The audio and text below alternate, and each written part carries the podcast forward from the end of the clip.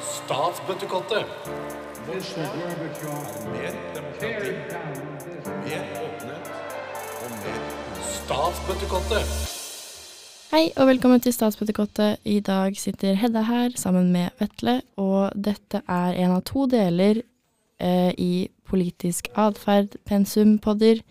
Eh, I disse poddene skal vi ta for oss eh, valgmodeller og politisk deltakelse.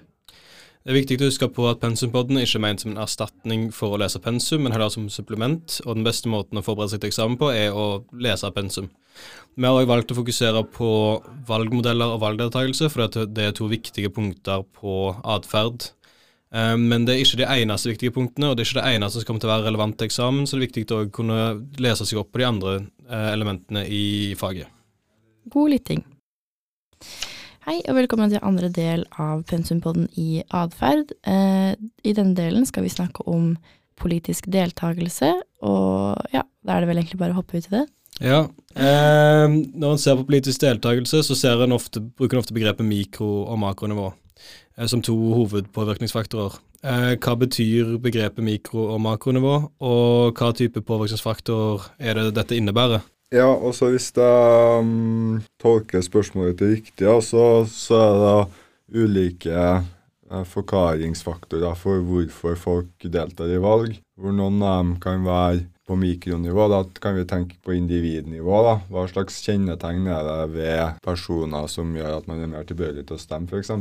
Da snakker man ofte om at det kan være knytta til ressurser og, og informasjon og motivasjon for å delta i, i politikk. Mens makro, da, da kan man jo tenke seg egentlig to ulike um, grupper med, med faktorer. Én ting er makro som, som vi kan tenke på, som på landnivå. At det er en del kjennetegn ved eksempelvis valgsystem eh, som kan påvirke eh, valgdeltakelse for hva er variasjon i valgdeltakelse mellom land. Men også det kan være faktorer som er på hva skal jeg si, valgkampnivå, da, som kan variere mellom valgkamper, som kan mobilisere velgere til å stemme i ulik grad. F.eks. en valgkamp kan ha noen typer spørsmål på dagsordenen som noen er særlig opptatt av, og det mobiliserer dem til å stemme. Eller det kan være en veldig intens maktkamp eller valgkamp eh, som mobiliserer. Eh, og det kan være eh, Ja. Så det kan være noen faktorer som, som også gjelder på, på valgnivå, da. Mm. Eh, også innenfor eh, politisk deltakelse så skiller vi ofte mellom politisk deltakelse ved valg og politisk deltakelse utenfor valg. Eh, og hvilke faktorer er det som er avgjørende for at noen velger å delta i politikken under valg, eller utenfor valget, mener jeg, eh, og andre bare deltar under valget? Ja, det, er et, eh, det er et godt spørsmål. Så jeg tror hoved, uh, hovedfaktoren er nok uh, rett og slett politiske interesser. Hvis du har en veldig høy grad av politisk interesse, så vil du kanskje typisk også delta mer i aktiviteter som er utenfor jeg si, valgkanalen. Da. Og det vil også ofte være folk som har flere politiske ressurser. Um, og, men det kan også være folk som har et veldig engasjement for noen, en, én en spesiell sak. Så de har kanskje ikke en overordna eh, De kan jo for så vidt ha en overordna politisk eh, interesse, men det er én sak de er særlig opptatt av. Og hvis du tenker instrument, for at instrumentelle motivasjoner for å delta, så kan det være at de tenker at min mulighet for å påvirke eh, politikken vil være større hvis jeg velger å delta i denne organisasjonen, eller, eller det kan være demonstrasjon også, for en saks skyld, enn enn å delta bare ved valg.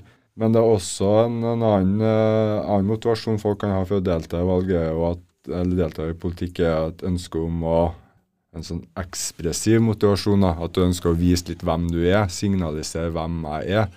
Og da vil jo også deltakelse i andre former for politikk enn bare ved valg være den mest effektive måten å vise, signalisere dine egne, eh, dine egne politiske orienteringer og ståsteder. da. Hvorfor er forskning på valgdeltakelse viktig, og hvorfor ønsker vi at Eller ønsker vi, og hvorfor, hvis vi ønsker, hvorfor ønsker vi at så mange som mulig deltar i valg? Ja, for nettopp du sier det. Vi ønsker det. Og det er jo, et, det er jo en normativ posisjon. Så det, det, er jo på en måte to og Det er jo en skille mellom dem som vil fremheve på en måte fra et sånt rent eh, liberalt ståsted at det er det du du har en rettighet til å delta i valg, du har ingen på en måte plikt til å delta i valg. Så, så det, at, og at det viktige ligger i at man har eh, retten til å delta. Men når man er opptatt av eh, at valgdeltakelsen skal være høy, og det er man jo i, i norske offentlige politikk, så er man på på tverrpolitisk enig om at det er viktig. Og det er, fordi, det er, jo fordi man tenker at uh, beslutningene som blir tatt, har mer legitimitet hvis det er sånn at uh, det er høy politisk deltakelse. Og så vil det også være sånn at man tenker seg at noen vil ha flere, mer innflytelse. Eh, noen grupper i samfunnet vil ha mer innflytelse enn andre grupper hvis det er sosiale ulikheter i valgdeltakelse. Og da vil du kunne få en politikk som ikke godt representerer befolkningens preferanser. Og over sikt så kan jo det skape problemer for legitimiteten til politiske systemer og politisk tillit og sånt. Så, så, det er jo det som ligger bak. Men det er jo en, er jo en slags normativ posisjon, da. At det bør være så høyt som mulig. Mm, og så har vi jo tilfeller av hjemmesittere ved valg. Og eh, hvorfor er det noen som velger å ikke stemme? Kan det også være en måte å stemme? Ja, altså hvorfor folk ikke stemmer. så jeg, jeg var jo innom det med noen sånne ressursforklaringer. Men en, i en klassisk teori fra, fra Verba med flere, så, så oppsummerer de det med at hvorfor folk ikke stemmer, som at enten at de ikke They can't, they don't want to, or nobody asked. Altså liksom tre forklaringer. Så can't er liksom at man ikke har da ressursene til å gjøre det. Don't want to er på en måte at man ikke har noe eh, motivasjon til, til, å delta. Og så er 'Nobody Asked', som peker på at det må være noe, noen som mobiliserer, så, så at det, det, det, kan være ja, ikke bare politiske partier, men også andre organisasjoner i samfunnet som, som mobiliserer velgere. da. Så, så, det er et utgangspunkt for å forstå det. Og så har vi også, når vi snakka om nasjonalitetsmodeller tidligere, så har vi på, på forelesning også snakka om det stemmeparadokset. Hvor da velgerne, når de avgjør om de skal stemme eller ikke, vil ta hensyn til eh, hva slags eh, nytte vil jeg ha av de ulike valgresultatene. Eh, hva slags kostnad det er for meg å stemme. Så jeg må bruke tid og krefter på å oppsøke valglokalet. Men også hva er sannsynligheten for at det at jeg stemmer, vil spille en rolle. Og ut ifra det, det, den type modell, så er det jo overraskende at ikke alle sammen sitter hjemme. Fordi det sannsynligheten for at du påvirker, er, er så, så, liten. da. Um, men, um, men, vi vet jo at valgdeltakelsen er mye høyere enn man skulle forvente ut ifra den, så det er åpenbart at det er andre motivasjoner her spiller mye større rolle av det jeg starta å snakke om. Eh, hva er affektiv polarisering, og hvordan kan det påvirke valgdeltakelse? Ja, så Når vi snakker om polarisering, så, så det som er den tradisjonelle politiske polariseringa, er jo er polarisering mellom eh, partier eller politiske kandidater i deres policy-ståsteder. Hva mener, mener man om skattepolitikk eller innvandringspolitikk? Mens affektiv polarisering er et nyere begrep da, som, som, peker på noe mer følelsesbasert, da, som, dreier seg om hva slags følelser du har overfor dem, eh, dine politiske motstandere, kan du si. Så, så utgangspunktet er at du har en klar identitet, for, eh, ideologisk eller politisk eh, identitet, og du eh, har da en eh, kan ha en veldig negativt syn på dem som har et annet politisk orientering enn deg, enn deg sjøl. Og det kan jo helt klart være politisk mobiliserende at du føler da at noe står på spill der. Det er viktig for meg å delta sjøl, og også prøve å mobilisere andre for å hindre at dem uh, du misliker, eh, sterkt, vinner valget. Eh, hvordan har kjønnsforskjeller eh, påvirket hvordan Eller om man velger å delta i et valg eller ikke? Ja, også tidligere så, hvis du går ser historisk på det, så, så var det jo sånn at menn hadde høyere valgdeltakelse enn kvinner.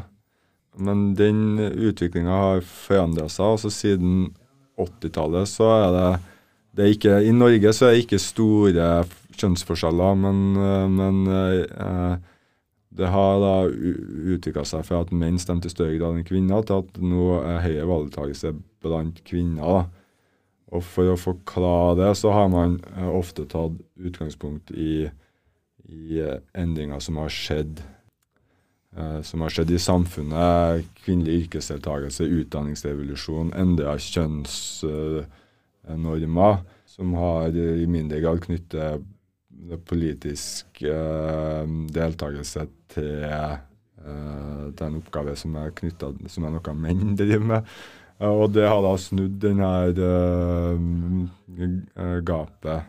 Eh, men, i, men i Norge så er for, kjønnsforskjellene ikke veldig store i valgdeltakelse. Eh, det er andre land hvor de er større, så det skal ikke overdrives, eh, den forskjellen. Ja. Eh, Det siste spørsmålet blir litt langt. Eh, Hva er økonomisk hjemmegivning? Hvordan deler vi opp de forskjellige formene for økonomisk stemmegivning? Og kan en si at økonomisk stemmegivning er en oppdatering av rasjonalitetsmodellen? Ja, så for å starte med første, så er det, det er iallfall en, eh, det en kobling mellom de to uh, teoretiske rammeverkene. da. Så det er økonomisk stemmegivning er i sin eh, hva skal si, originale form, er eh, at velgerne eh, holder regjeringa ansvarlig for den økonomiske utviklinga, særlig makroøkonomiske utviklinga, og vil da straffe regjeringa for en økonomisk utvikling som er svak. da. Så man alle sammen ønsker en god økonomisk utvikling. Og hvis regjeringa ikke lykkes med å, å produsere det, da, tilby eller liksom skape det, så man, eh, kan man se på det som et signal om at de ikke er dyktige, eller at de ikke har klart å gjort jobben sin, og derfor vil bytte dem ut. Da. Så det er en ansvarliggjøringsmekanisme. Og her er forskjellige teorier om hvordan økonomien spiller en rolle. Altså en, det, da har man det her skillet mellom retrospektiv og prospektiv stemmegivning, som går på om hvorvidt man eh, Så retrospektiv er det mest klassiske, hvor man ser på den økonomiske utviklinga i retro, også i Vurderer basert på tidligere erfaring. Ja, tidligere altså historiske utviklinger i økonomien. Mens prospektiv er at man da har noen eh, eh, forventninger om hvordan den eh, regjeringa vil klare å påvirke økonomien i fremtida. Og så er skillet mellom egotropisk og sosiotropisk, som vi for så vidt var innom også i, når vi snakka om nasjonalitetsmodellen i forrige forelesning, nei, forrige podkast, hvor du kan være at den økonomiske stemmegivninga kan være egotropisk, som er at du ser på hvordan din egen lommebok har blitt påvirka av eh, eller utvikla seg i den siste valgperioden. Mens sosiotropisk, da er du opptatt av makroøkonomien og hvordan samfunnet, som- økonomien i samfunnet som helhet har utvikla seg. og Det er det som måte motiverer deg for å eh, enten stemme for eller mot regjeringa. Ja, supert. Men det var alle spørsmålene vi hadde, så da, tusen takk for at du ville være med på denne pensumpodden. Takk for det. Og så får vi ønske alle lykke til med eksamen. Takk for at du hørte på Pensumpodden i Pol 1001 atferd. Det kommer òg andre pensumpodder som dekker Pol 1001. Vi vil bl.a. ha pensumpodder i politisk teori. Og det vil òg komme pensumpodder i Pol 1002 politisk atferd. Takk for oss, og lykke til på eksamen. Statsbøttekottet. Mer demokrati, mer åpenhet og mer Statsbøttekottet.